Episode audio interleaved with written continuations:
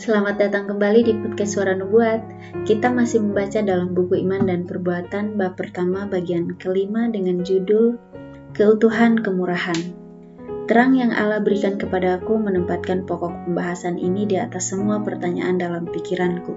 Pembenaran adalah kemurahan seutuhnya dan bukan dihasilkan oleh usaha manusia yang telah jatuh ke dalam dosa. Hal ini telah dibukakan kepada saya secara jelas jika seorang kaya mempunyai banyak uang dan harta dan dia memberikan persembahan kepada Tuhan, muncul suatu pemikiran salah yang merusak persembahan itu dengan melayakan dirinya atas bantuan Allah bahwa Tuhan berada dalam suatu kewajiban untuk memberikan kemurahannya karena pemberiannya.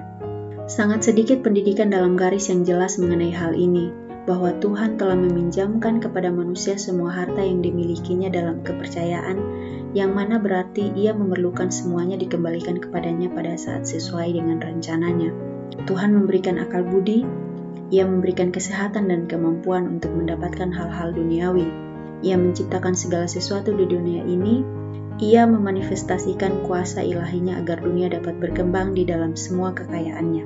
Ia memberikan matahari, awan, hujan, agar tumbuhan dapat bertumbuh sebagaimana hamba-hambanya berkumpul untuk masa penuaian dan untuk menggunakan keinginanmu dalam segi ekonomi untuk keseimbangan bagi panggilannya. Engkau dapat berkata seperti Daud, sebab daripada mula segala-galanya dan dari tanganmu sendirilah persembahan yang kami berikan kepadamu. 1 Tawarik 29 ayat 14 Jadi kepuasan dari kelayakan ciptaan tidak dapat dikembalikan kepada Tuhan, karena itu akan selalu menjadi miliknya sesuai dengan tuntutan pemeliharaannya. Terima kasih, Tuhan memberkati.